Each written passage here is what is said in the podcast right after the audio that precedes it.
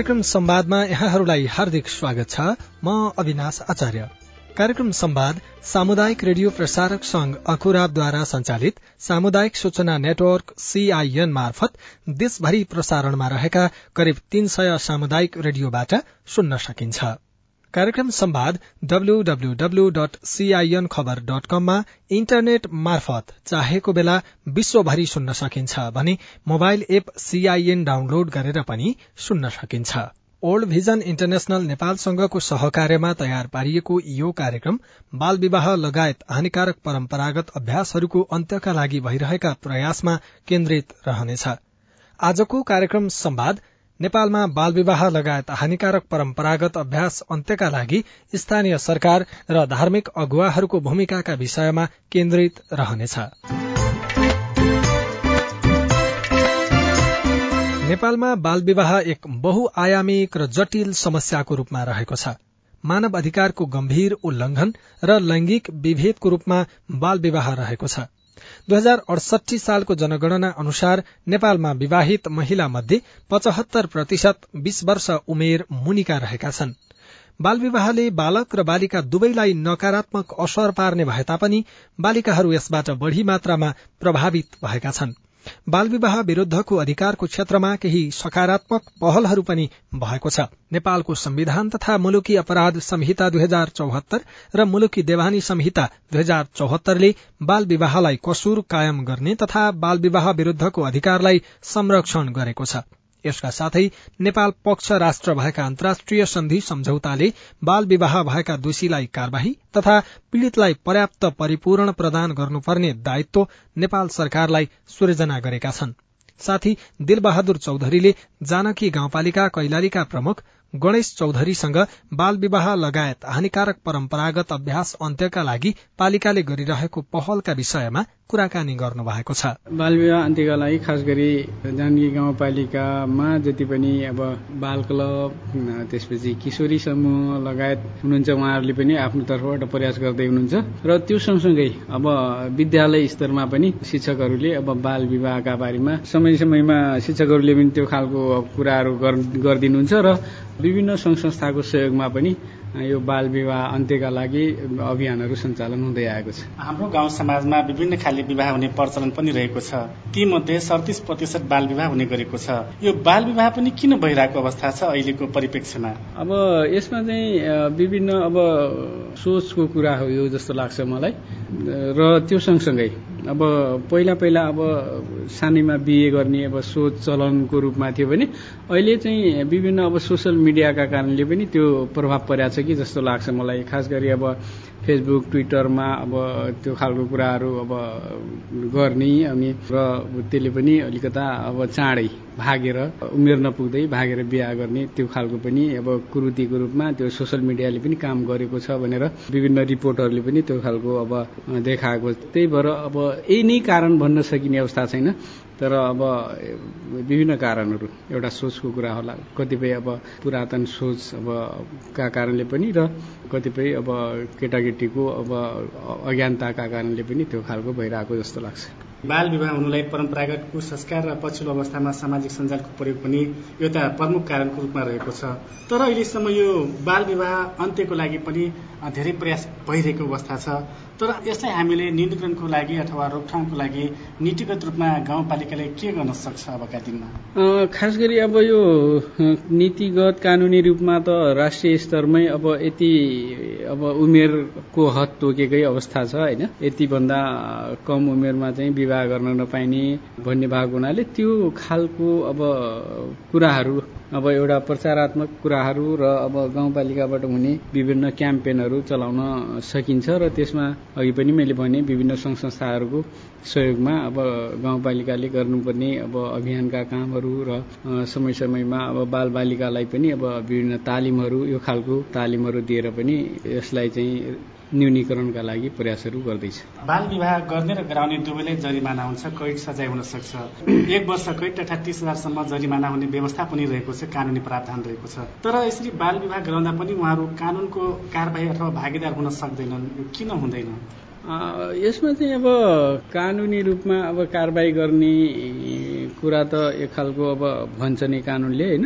तर कतिपय हाम्रो अब सचेतनाले त्यो कुरा चाहिँ एक्सेप्ट गर्छ कि गर्दैन भन्ने हो। र कतिपय आमा बुवाले आफ्नै छोराछोरीलाई अब कानुनी रूपमा कारवाही हुनुपर्छ भनेर त्यो खालको अब प्रक्रिया नै थालनी नगरेको अवस्था र हाम्रो समाज पनि अब यो कानुनी मान्यता यो छ प्रावधान यो छ भन्ने विषयमा त्यति धेरै जानकार नभइसकेका हुनाले पनि यो त्यो खालको नभएको होला। बाल विवाह कायम रहनुलाई हामीले प्रमुख कारण अभिभावकलाई नै मान्ने गरेका छौँ। उनीहरू नै दोषी हुन् त बाल विवाह गराउनमा? होइन अभिभावक मात्रै होइन। यसमा चाहिँ हाम्रो समाज पनि हो खास गरी अब गभर्मेन्टले पनि त्यो खालको इनिसिएसन लिनुपर्छ होइन। र पहिलाको भन्दा निश्चित रूपमा अब पहिला जुन रेसियो जुन अब खालको थियो त्यो त पहिलाको भन्दा कम भएको हो। र यसमा चाहिँ अझ जोडबोल गर्न जरुरी छ। अब सबैले जो सचेत छ जसले बुझेको छ यसमा चाहिँ विशेष गरी मिडियाले पनि भूमिका खेल्न पनि जरुरी छ र समाजमा रहेका अब सचेत नागरिक समाजहरूले पनि यसमा भूमिका खेल्यो भने पक्कै पनि न्यूनीकरण हुन्छ जस्तो लाग्छ। अहिले पनि धेरै समाजमा यो बाल विवाह गर्ने परम्परा अथवा प्रथा नै कायमको रूपमा रहेको छ। यसलाई अब हामी अन्त्यको लागि गाउँपालिकाले कसरी जान सक्छ? अब गाउँपालिकाले गर्ने भनेकै अब प्रथमत अब सचेतनताका कुराहरू हो होइन? अब पहिला त मान्छेले अब यो बाल विवाह गर्दा के घाटा हुन्छ अनि यो किन गर्नुहुन्न भन्ने कुरामा चाहिँ जानकार हुनुपर्छ। जस्तै बाल विवाह गर्यो भने अब स्वास्थ्यको दृष्टिकोणले त्यसपछि सामाजिक रूपमा होइन पनि अब निकै घाटा छ भन्ने कुरा अब सबैले बुझ्न जरुरी छ। त्यो बुझाउनका लागि स्थानीय तह अनि प्रदेश केन्द्र सबै तिनटै तहको सरकार र त्यसमा सहयोग गर्ने विभिन्न अब सङ्घ संस्थाहरू पनि यसमा लाग्न जरुरी छ। र त्यो सँगसँगै हाम्रो गाउँघरमा भएको नागरिक समाज त्यसपछि बाल क्लबहरू त्यसपछि किशोरी समूहहरूले पनि यसमा भूमिका खेल्यो भने चाहिँ पक्कै पनि न्यूनीकरण गर्न सकिन्छ। स्थानीय निकायसँग सरोकार राख्ने सङ्घ संस्थाहरू सशक्तिकरण किशोरी शिक्षाको कुरा लिएर अगाडि बढिरहेको अवस्था छ। यसलाई हामीले अब समुदाय लक्षित कसरी चलाउन सक्छौँ अथवा जुन समुदायमा बाल विवाह धेरै भइरहेछ यी समुदायमा कस्ता खाले क्रियाकलाप गर्न आवश्यक देख्नुहुन्छ? अब यसमा चाहिँ खास गरी जुन समुदायमा अब बेसी छ त्यो चाहिँ पहिले सर्वप्रथम त अब कुन समुदायमा कहाँ बेसी छ भन्ने कुरा त सर्वे नै गर्नु पऱ्यो होइन? त्यो खालको सर्वे रिसर्चहरू गरेर जुन रिपोर्ट आउँछ त्यसमा चाहिँ अब त्यो रिसर्चले सर्वेले चाहिँ रिकमेन्ड गर्छ यो यो गर्न यो समुदायमा बाल विवाह हटाउनका लागि यो यो काम गर्नुपर्छ भनेर आयो भने त्यही अनुसारको अब कार्यक्रमहरू लन्च गर्यो भने चाहिँ राम्रो होला जस्तो लाग्छ। अब गाउँपालिका प्रमुखको हैसियतले तपाईँको बाल विवाह अन्त्यको लागि के प्रतिबद्धता रहन्छ? अब खास गरी अब मैले चाहिँ अब तपाईँको मिडिया मार्फत भन्नुपर्दा मैले अब आफ्नो नाता गोता परिवार जति छ त्यसमा चाहिँ बाल विवाह हुन दिन्न र त्यो सँगसँगै अब सबै हाम्रो पालिकाभरि जति पनि अब बाल विवाह हुने गरेको छ त्यस्तो सम्भावना छ भने त्यसलाई रोक्नका लागि प्रयास गर्छु। तपाईँ अहिले साप्ताहिक रेडियो कार्यक्रम संवाद सुनिरहनु भएको छ। ओल्ड भिजन इन्टरनेशनल नेपालसँगको सहकार्यमा सीआईएनले तयार पारेको यो कार्यक्रम बाल विवाह लगायत हानिकारक परम्परागत अभ्यासहरूको अन्त्यका लागि भइरहेका प्रयासमा केन्द्रित रहेको छ। पछिल्लो समय बाल विवाह लगायत हानिकारक परम्परागत अभ्यास अन्त्यका लागि धर्मगुरूहरूको अहम भूमिका रहेको चर्चा चलिरहेको छ। यस्ता हानिकारक परम्परागत अभ्यासहरू कुनै न कुनै धर्मसँग जोडिएर आउने र आस्थाकै कारण निरन्तरतामा बल पुगिरहेको पनि देखिन्छ। तर पछिल्लो समय धार्मिक अगुवाहरू नै यसको अन्त्यको अभियानमा सक्रिय भएका छन्। नेपाल पञ्चाङ्ग निर्णायक समितिका निवर्तमान अध्यक्ष रामचन्द्र गौतमसँग हामीले समाजमा सामाजिक सहिष्णुता कायम गर्न र यस्ता हानिकारक परम्परागत अभ्यास अन्त्यका लागि धर्मगुरूहरूको भूमिकाका विषयमा कुराकानी गरेका छौं। जो धर्मशास्त्रमा तपाईँको अब हाम्रो सनातन वैदिक शास्त्रमा चाहिने आठ दस वर्षकी कन्या विवाह गर्नु पर्छ भनेर चाहिँ नि कुनै शास्त्रले पनि भनेको छैन। यो एउटा चाहिँ के छ भनेदेखि अब यो रजस्वला नहुँदै विवाह गर्यो भनेदेखि नि एउटा त्यो महादान हो त्यो विवाह कन्यादान चाहिँ महादान हो त्यसबाट नि यो अक्षय पुण्य प्राप्त हुन्छ अनन्त फल प्राप्त हुन्छ भन्ने हिसाबले पहिलाका बुढाहरूले चाहिँ नि अब यो अर्कालाई दिने जात पहिला पढाउने गुनाउने त्यस्तो केही थिएन नि है महिलाहरूलाई। र यो अर्कालाई दिने जात अब यो बेलैमा एउटा सल्लाह नहुँदै दिइहालौँ भन्ने एउटा पक्ष र धार्मिक दृष्टिले है अर्को पक्ष चाहिँ तपाईँको अब त्यो बेलामा अब पहिला पहिला चाहिने बडो यो यवनीहरूबाट चाहिने बलात्कृत हुने अब अपहरित हुने यस्तो यस्तो पनि भएको थियो क्या। एकपटक चाहिने त्यस्तो स्थिति पनि आएको थियो यो हाम्रो भारतवर्षमा। त्यसो भए हुनाले त्यो डरले पनि चाहिने अलिकति चाँडै नै चाहिने बिहा गरेर दिने भन्ने चाहिने त्यो पहिला त्यो थियो। र बिस्तार बिस्तार भएपछि अब चाहिने अब तपाईँको अब रसखोला यस्तो छ अब यो शास्त्रको कुरा तपाईँको अब यो कन्यात्व चाहिँ नि तपाईँको चार पक्षबाट मात्रै कन्यात्व जान्छ। कन्यात्व त्यसै समाप्त हुँदैन।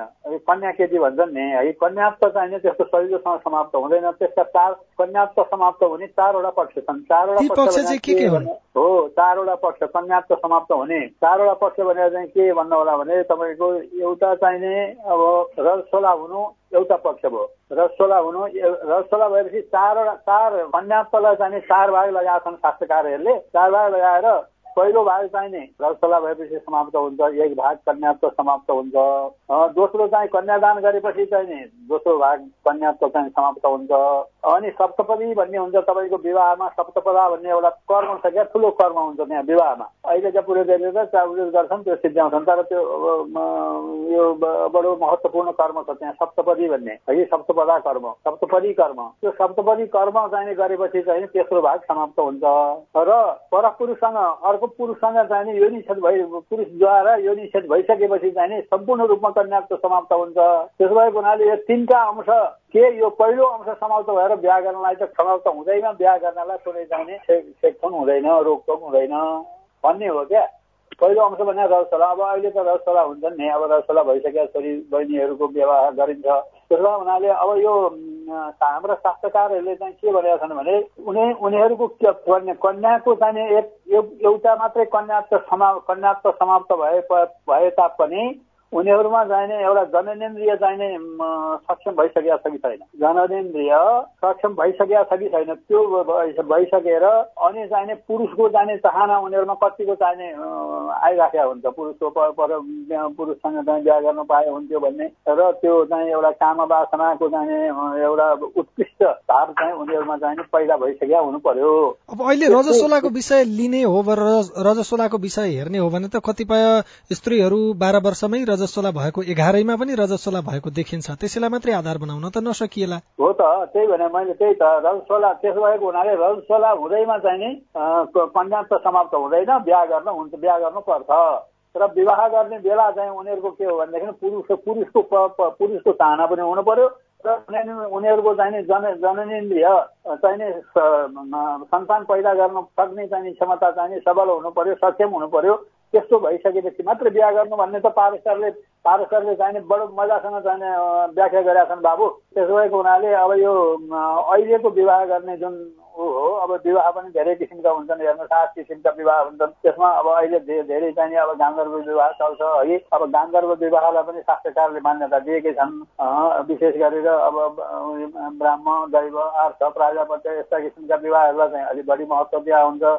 र अब गान्धर्व विवाह भने अब केटाकेटीले मन पराएर बिहा गर्ने विवाह र त्यसो भएको हुनाले अब त्यो मन पराउने अवस्था चाहिँ हुनु पर्यो केटीको चाहिने अब त्यहाँ केटाको चाहना भएको हुनु पर्यो इन्द्रियहरू चाहिँ जब काम वासना चाहिने बडो उत्तेजित भएको हुनु पर्यो त्यस्तो स्थिति भएपछि मात्रै र म बिहा गर्छु बिहा त्यहाँ कथाहरू पनि छन् धेरै लामा लामा धेरै चाहिँ यो उसले गरे पहिला चाहिँ भएका चाहिँ कथाहरूका कुराहरू छन् बाबु बाल विवाह। बाल विवाह गर्नु हुँदैन भने आखिरमा चाहिने शास्त्रको चाहिने अठोट निर्णय चाहिने बाल विवाह गर्न हुँदैन भन्ने नै हो बाबु।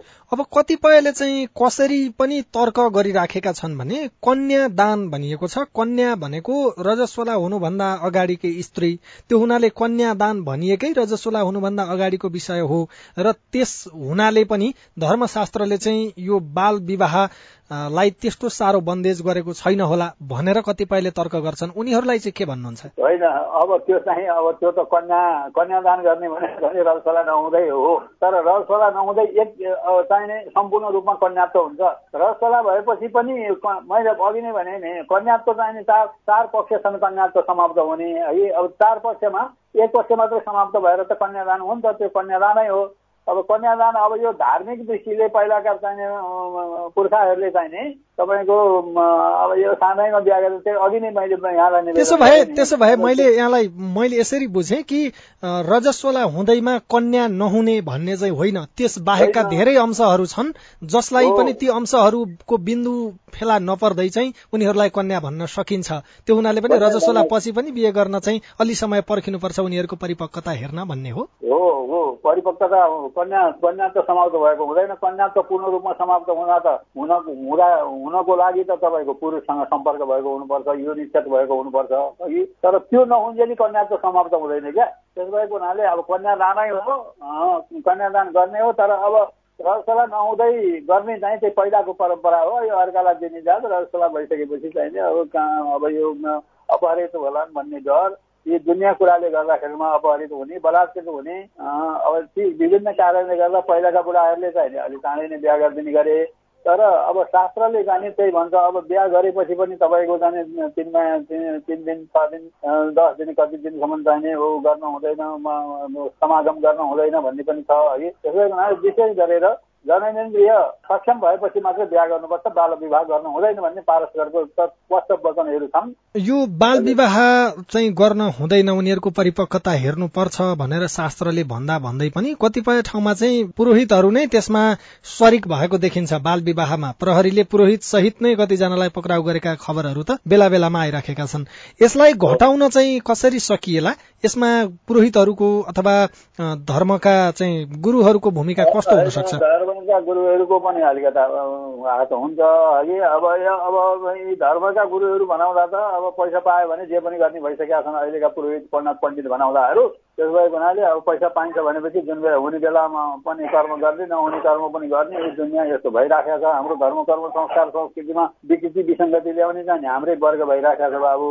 तर अब हटाउनको लागि त हटाउनको यो बाल विवाह हटाउनको लागि त तपाईँको तपाईँहरू मिडियाहरूले पनि यो प्रचार प्रसार गर्नु पर्यो। बाल विवाह गर्नु हुँदैन शास्त्रीय निर्णय यस्तो छ शास्त्रले यस्तो भनेको छ। यो बालकमै बिहा गर्नुपर्छ भन्ने यो कुरा होइन। भन्ने कुरा भन्दै जानु पर्यो यहाँहरू चाहिँ मिडियाका मित्रहरूले पनि अरू अरू चाहिँ अब सम्बन्धित निकायहरू जो सरकार छ राज्य छ त्यो राज्यको तर्फबाट पनि चाहिने अब यसलाई चाहिँ रोकथामको चाहिने प्रयास चाहिने अब गर्दै जानु पर्यो त्यसो भएपछि यो चाहिँ कम हुँदै जान्छ। कम त हुँदै गइरहेको पनि छ अघि। अहिले अब अलि अब अहिले छोरीहरू पढाउने जमाना छ अघि। छोरीलाई पढाउने उनीहरू पनि बुझ्ने भइसकेका हुन्छन्। कुनै बेला आफ्नो जिन्दगी चाहिँ जीवन सुखमय शान्तिमय कसरी हुन्छ भन्ने कुरा विवेक विचार गर्न सक्ने। अब छोरी बहिनीहरू पनि अहिले भइसकेका छन् धेरै चाहिँ महिलाहरू अघि। त्यसो भएको हुनाले अब बिस्तार बिस्तार हटिराखेका पनि छ। अब हट हटाउन चाहिँ हटाउनुपर्छ बाल विवाह गर्न चाहिँ हुन्छ भन्ने शास्त्रीय शास्त्रको निर्णय होइन बाबु। यो सँगै कार्यक्रम सम्वादको निर्धारित समय